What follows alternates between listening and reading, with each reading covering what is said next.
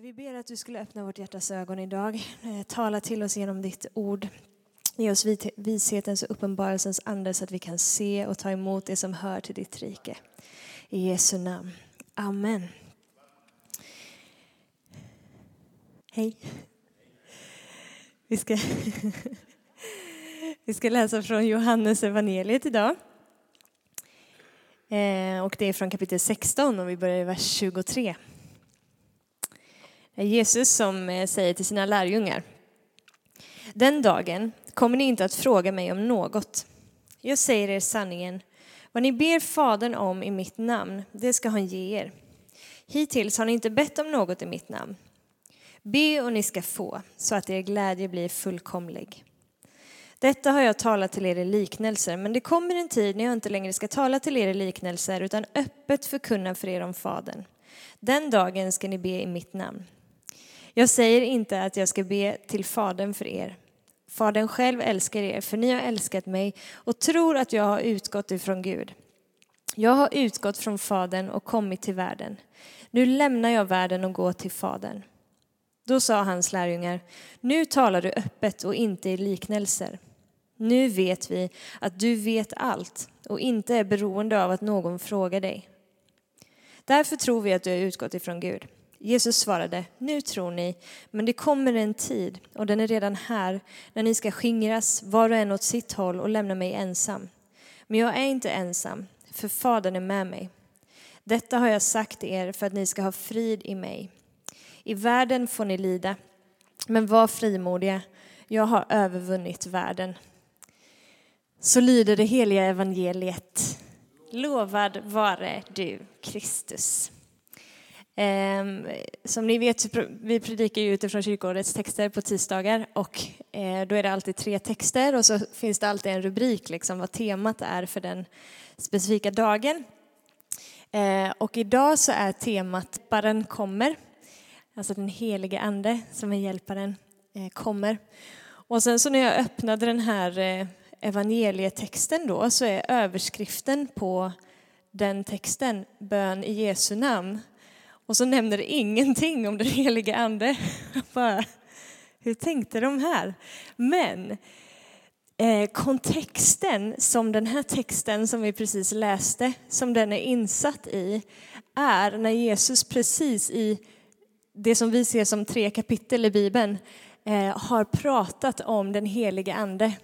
Eh, han har pratat om sin egen relation till Fadern, om hur han är i Fadern och Fadern är i honom. Och nu ska han gå tillbaka till Fadern, men han ska inte lämna sina lärjungar ensamma, utan han lovar att sända dem Hjälparen, Allos Parakletos, en annan fast av samma slag som jag själv. En annan försvarare ska komma till er. Och så har han då talat i tre kapitel om hur anden ska komma till dem, vara hos dem, aldrig lämna dem och vad han ska göra och vem den helige ande är, sanningens ande och vad hans funktion och uppgift är. Och mitt i när han håller på och pratar om det här då så kommer det här avsnittet om bön i Jesu namn. Och när jag liksom började gräva lite här så, så blir jag helt fascinerad av liksom att se Eh, hur han faktiskt någonstans ändå pratar om den helige ande i detta och hur den helige ande är liksom en aktivt integrerad del i vårt böneliv och i hela grejen av att be i Jesu namn. Det går inte att skilja de två åt. Så jag tänker att vi ska titta lite på, eh, på den helige andes eh, funktion just i, i bönen, eller vem han är och vad hans uppgift är i det. Och jag tänker att jag ska försöka vara väldans pedagogisk här, så jag har tre rubriker. Vi får se hur väl de kommer fram, men det är mitt mål i alla fall. Eh, jag tänker att vi ska börja med att titta på de två första verserna, så vi kanske kan lägga upp dem där igen. Den dagen kommer ni inte att fråga mig om något. För det första, när Jesus säger den dagen, vilken dag är det han pratar om? Man måste, då måste vi titta på vad kontexten är. Liksom, vad är det han precis har pratat om innan? Och det han har pratat om innan är den helige andes ankomst. När den helige ande kommer, när den helige ande blir utgjuten. Så den dagen är alltså nu. För den helige ande har blivit utgjuten, så den är den dagen när den helige ande faktiskt verkar. Den dagen kommer ni inte att fråga mig om något. Jag säger er sanningen. Vad ni ber Fadern om i mitt namn, det ska han ge er. Hittills har ni inte bett om något i mitt namn. Be och ni ska få så att er glädje blir fullkomlig. Vad, vad innebär det att be i Jesu namn? Jag tänker att det innebär så här, att när vi ber i Jesu namn så ber vi i tro på allt som Jesus är och vad han, det han har gjort. Vi ställer oss i, i vissheten, liksom, eller i, i förankringen om det verket som han har utfört. Den som Jesus Kristus är som person. Det faktum att han har fullbordat allting på korset. Det faktum att han har besegrat och övervunnit världen, att han har besegrat döden. Det faktum att han har tagit all sjukdom på sig. Det faktum att han blev slagen för våra överträdelsers skull. Eh, det faktum att han har liksom gått i graven med all rädsla, med all fruktan. Alltså allt vad han är och allt vad hans verk på jorden innebar ställer jag mig tillsammans när jag ber i hans namn. Åberopar allt det som han är. Och den helige ande är den som ger oss tro på, eller tro för det som Kristus har gjort. Den helige ande är den som målar verkligheten av detta för oss. Alltså uppenbarelsen om vem Jesus är och vad han har gjort och vad det innebär för mitt liv i praktiken kan inte jag ta mig i mig själv. Jag kan inte liksom uppfinna det, jag kan inte levandegöra det på min egen insida. Utan när helst jag får den uppenbarelsen om vem Kristus faktiskt är och vad det innebär så är det för att det är den helige ande som har varit aktiv i mitt liv och fött den kunskapen på min insida. Så anden är den som hela tiden kommer dra min blick till eh, till Kristus och låta mitt hjärta igen få bli förankrat i verkligheten av vem han är istället för verkligheten av mina omständigheter. Liksom. Var helst den helige ande rör sig och verkar så kommer blickar att riktas mot Jesus. Det finns ett ord i, jag tror att jag fick in det där förut, från Sakarja. Jag tänker att vi ska läsa första halvan av den här versen. Men över Davids hus och över Jerusalems invånare ska jag utgjuta nådens och bönens ande. Alltså vad är nådens och bönens ande? Det är ju, ingen, det är ju inte en annan ande som, som han pratar om här än den helige ande. Det är liksom inte massa olika andar, utan den helige ande är, han är sanningens ande och han är nådens och bönens ande. Så det finns ett löfte härifrån Gud att över Davids hus, alltså över Guds folk, vilket är vi, ska jag utgjuta nådens och bönens ande. Vad händer när nådens och bönens ande blir utgjuten över oss? Vilket han har blivit så att de ser upp till mig som de har genomborrat. Vem är det som har blivit genomborrad? Jesus på korset. Hans händer blev genomborrade. Så där den helige ande är så dras blickarna till Jesus och till den verkligheten, till korsets verklighet. Det är liksom kännetecknet på den helige andes rörelse och verk i ditt och mitt liv och mitt ibland oss. Ni är med so far? Eh, lite senare här sen eh, i vers 26 så säger Jesus Den dagen ska ni be i mitt namn. Jag säger inte att jag ska be till Fadern för er. Fadern själv älskar er för att ni har älskat mig och tror att jag har utgått ifrån Gud. Det är lite som att, eh, vi kan ta bort den där. Eh, det är lite som att eh, Jesus säger liksom att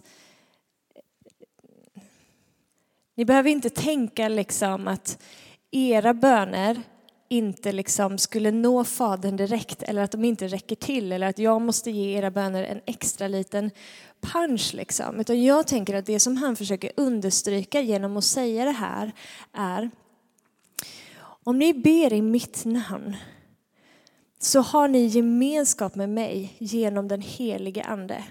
Och jag har gemenskap med Fadern.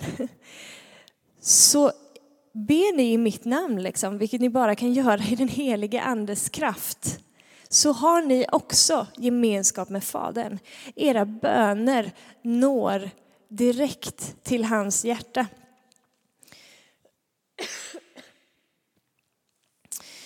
Eh, så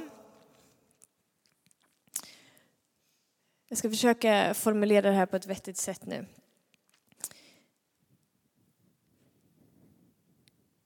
När vi ber i den helige Ande så ber vi liksom i, i Jesus på något sätt, för vi har gemenskap med honom eh, genom hans ande.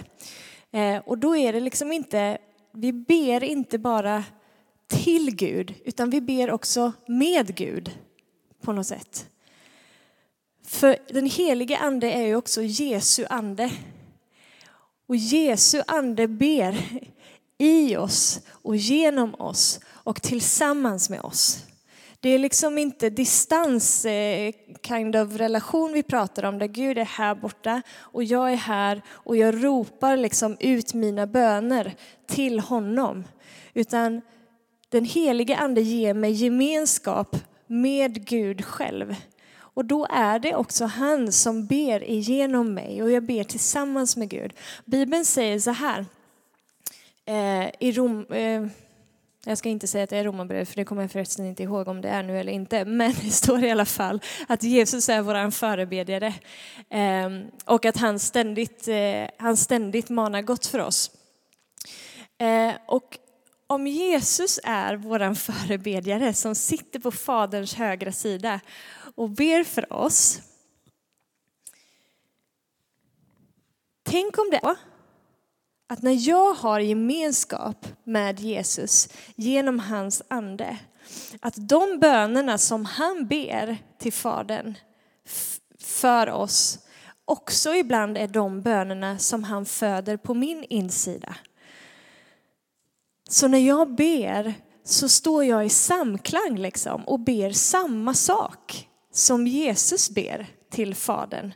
Det är inte bara jag själv som har kommit på det här och att jag måste liksom övertyga Gud om att nu måste du göra det här. Utan jag ber tillsammans med Gud. Han låter mig få veta delar av det som ligger på hans hjärta och så besmittar han det, mitt hjärta med det. Eller han föder det på min insida. Och så känner jag liksom att det bubblar böner på min insida. Och jag kanske inte fattar från början att det här är faktiskt böner som är födda ifrån Guds eget hjärta och som kommer mig till del genom att jag har gemenskap med honom genom hans ande.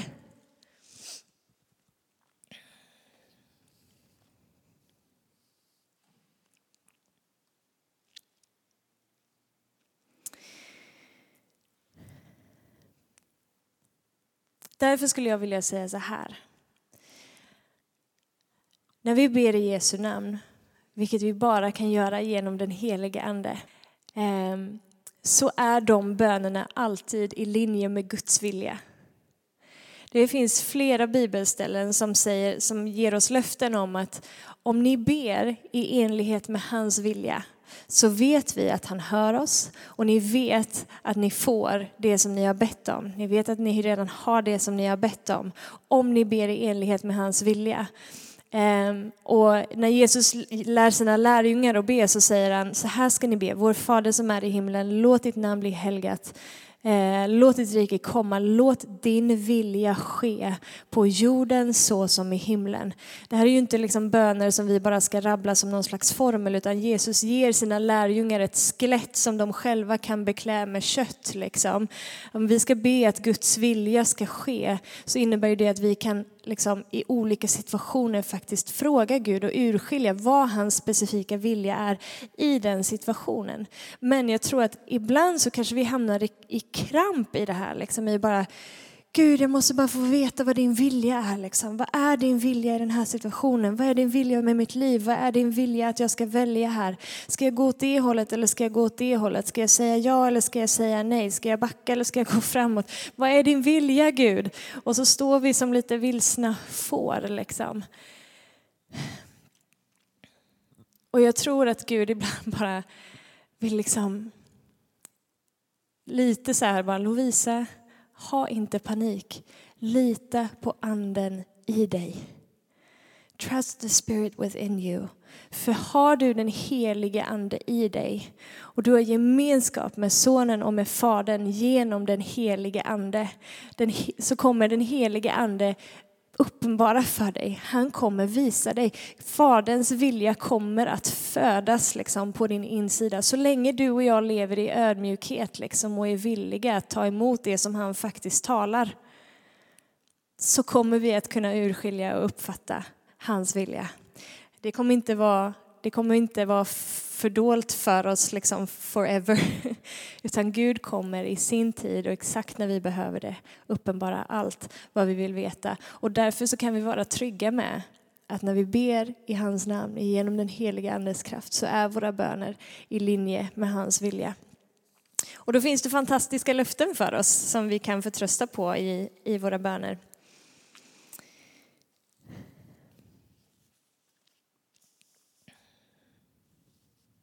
Nästa punkt.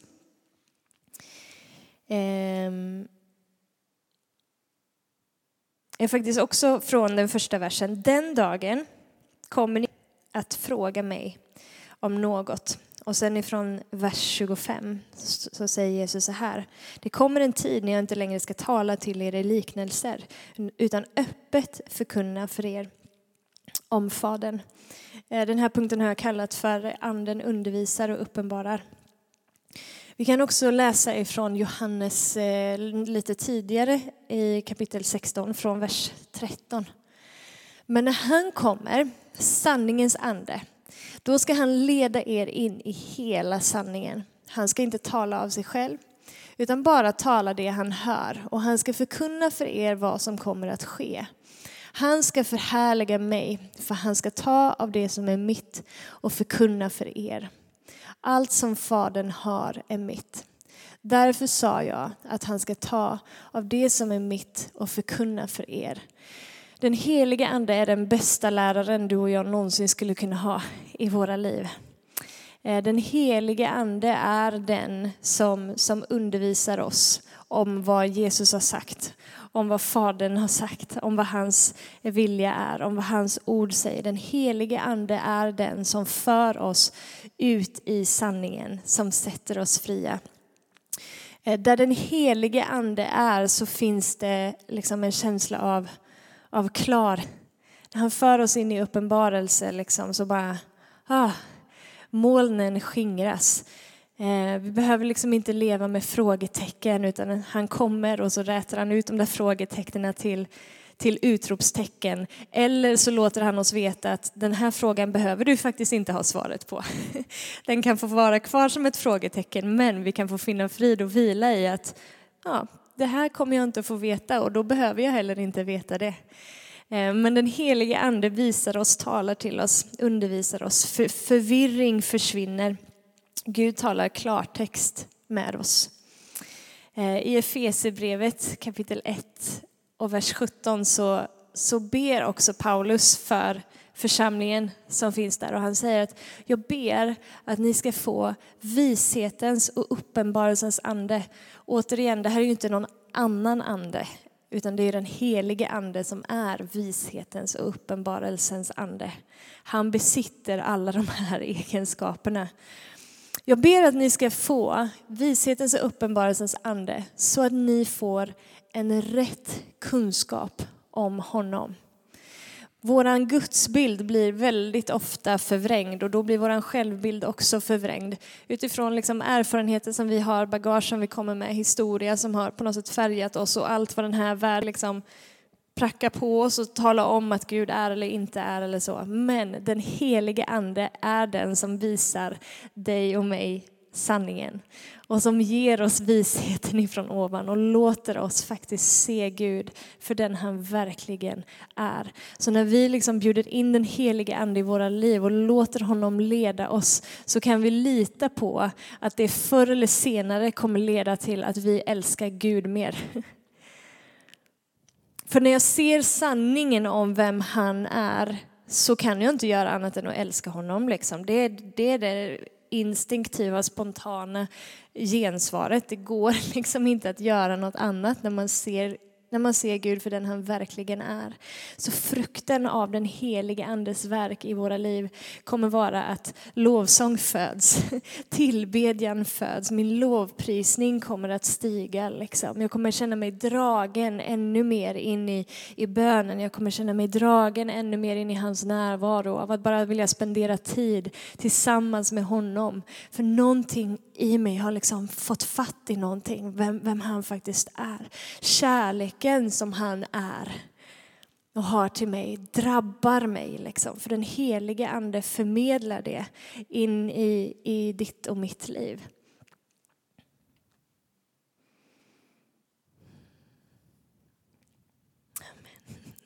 Amen. Sista punkten. Eh, är ifrån vers 33. Detta har jag sagt er för att ni ska ha frid i mig. I världen får ni lida, men var frimodiga, för jag har övervunnit världen. Den här punkten har jag kallat för Anden förmedlar Jesu frid och visar vår identitet. Jesus pekar ju på liksom att eh, någonstans dra vår uppmärksamhet till vart i våran frid ligger någonstans. Detta har jag sagt till er för att ni ska ha frid i mig. Okej, vi hittar inte våran frid någon annanstans. Liksom. Våran frid finns inte i, liksom, för det första inte i världen uppenbarligen, men för det andra så är den inte bara, det innebär inte bara frånvaro av storm, utan det innebär närvaro av Gud själv, av Jesus själv i ditt och mitt liv. Och den helige Ande är den som förmedlar Jesu närvaro i våra liv. Och därför så är han också den som förmedlar Jesu frid in i ditt och mitt liv, visar oss vad vi har tillsammans med honom, kommer att visa oss vem Jesus är i varje liksom, situation där vi möter ofrid på utsidan, så kommer den helige ande vara där och tala om, titta, här är Jesus. Han har inte ofrid, han är inte orolig och det där är ditt tillsammans med honom. Det där äger du, det där bor på din insida. Varsågod, ta emot det. Varsågod, lev i detta. Eh, den helige ande visar dig och mig våran position och plats i Kristus. I världen får ni lida, alltså det kommer att vara jobbigt ibland, men var frimodiga för jag har övervunnit världen. Så inte bara kommer den helige Ande visa oss att vi har frid i Kristus, utan han kommer också visa dig att du är faktiskt insatt i Kristus. Och om Kristus har övervunnit världen, det vill säga han har liksom övervunnit det som är allt av, av ondska och mörker och liksom stormar som vi kan möta så kan vi tillsammans med honom också få vara på en plats på vår insida där vi känner att vi är över allt det där som är i världen som vill drabba oss. Han föder, genom att visa oss vem Jesus är, så föder han tro på vår insida. Att vi faktiskt är insatta tillsammans med honom och kan leva utifrån den positionen på insidan och inte behöva gå in, in under allt det som vill tränga oss och, och trycka på. Liksom. Så den heliga Ande skapar tro i oss att vi är övervinnare. Stora ord, men jag tror på det. Du kan inte, det är lätt att liksom försöka så här, äh, flåsa sig själv till den positionen av liksom att jag skulle väldigt gärna just nu vilja känna att jag är över och inte under. Liksom. Och så börjar vi slänga oss med stora ord liksom, och, eller så lägger vi locket på i någon slags förnekelse av att saker och ting är jobbigt och så trycker vi undan det och låtsas som att allt är frid och fröjd liksom, och nu prisar vi Gud för han är god. Men när den helige ande kommer och får göra sitt verk i dig och mig så behöver vi inte liksom fake leva på en plats som övervinnare liksom, utifrån att vi har pressat oss, försökt pressa oss själva dit eller försökt leva i förnekelse. Liksom. Utan när han kommer så kan en, en sann, genuin känsla av att vara vinnare få födas på din insida som gör att du känner att det bara reser sig liksom på din insida. Och det finns en sån otrolig styrka inneboende i dig i det och samtidigt en otrolig vila. För du har inte kommit på det själv. Du har inte försökt liksom vispa upp dina egna känslor till att ta dig till den platsen. Utan det är fött av den helige ande och du får känna hur det är hans kraft och hans styrka som bär dig på insidan hela vägen i det.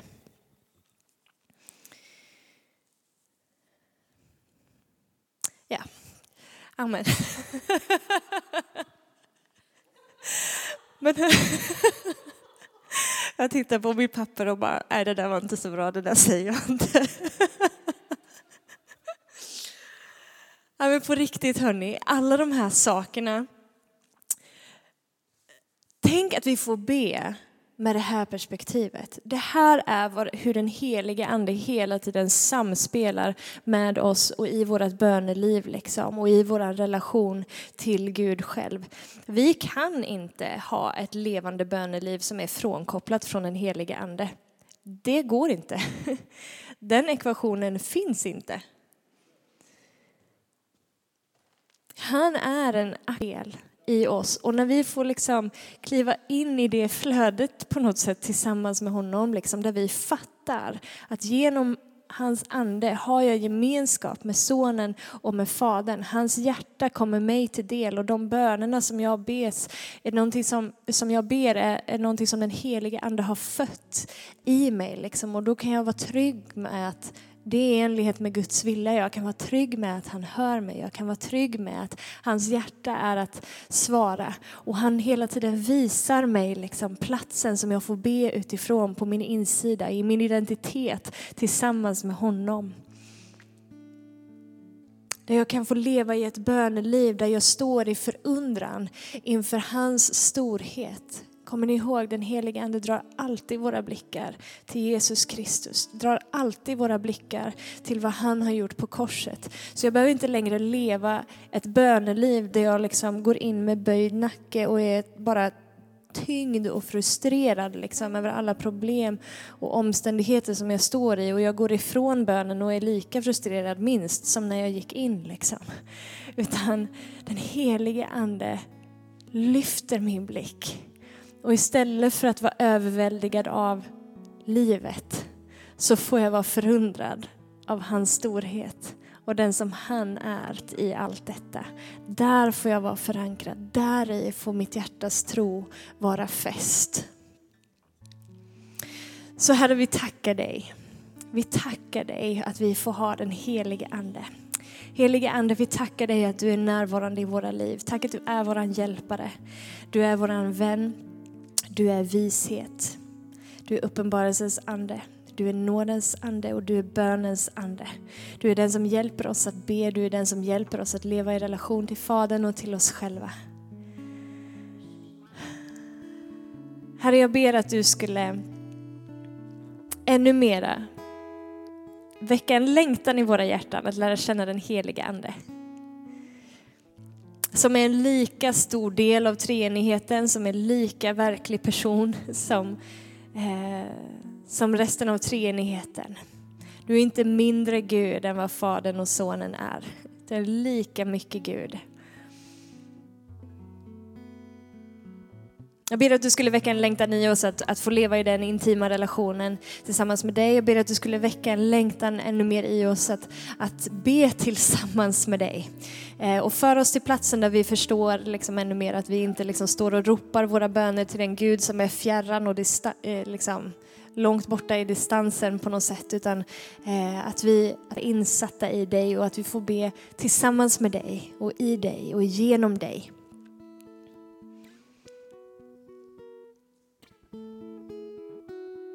Kom och fyll oss igen, Herre. Vet att vi behöver bli liksom, uppfyllda av din Ande varje dag. Vi behöver dig, vi behöver dig, så innerligt beroende av dig, Herre. Och vi ber om förlåtelse för alla de gånger som vi liksom tänker att vi inte behöver dig. Eller när vi inte fattar hur mycket vi faktiskt behöver dig. Vi välkomnar dig heligande. Vi välkomnar dig in i våra liv. Välkomnar dig att göra ditt verk i oss.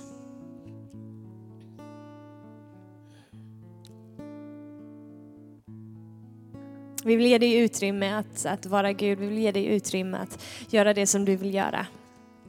Kom och föd den förundran i våra hjärtan igen. Tack att du kommer och målar Kristus för oss, visar oss på sanningen, på verkligheten om vem Gud faktiskt är. Du kommer och skingrar skuggorna, du rätar ut frågetecken, du låter oss gå till, från förvirring till klarhet, du låter oss gå från oro till frid.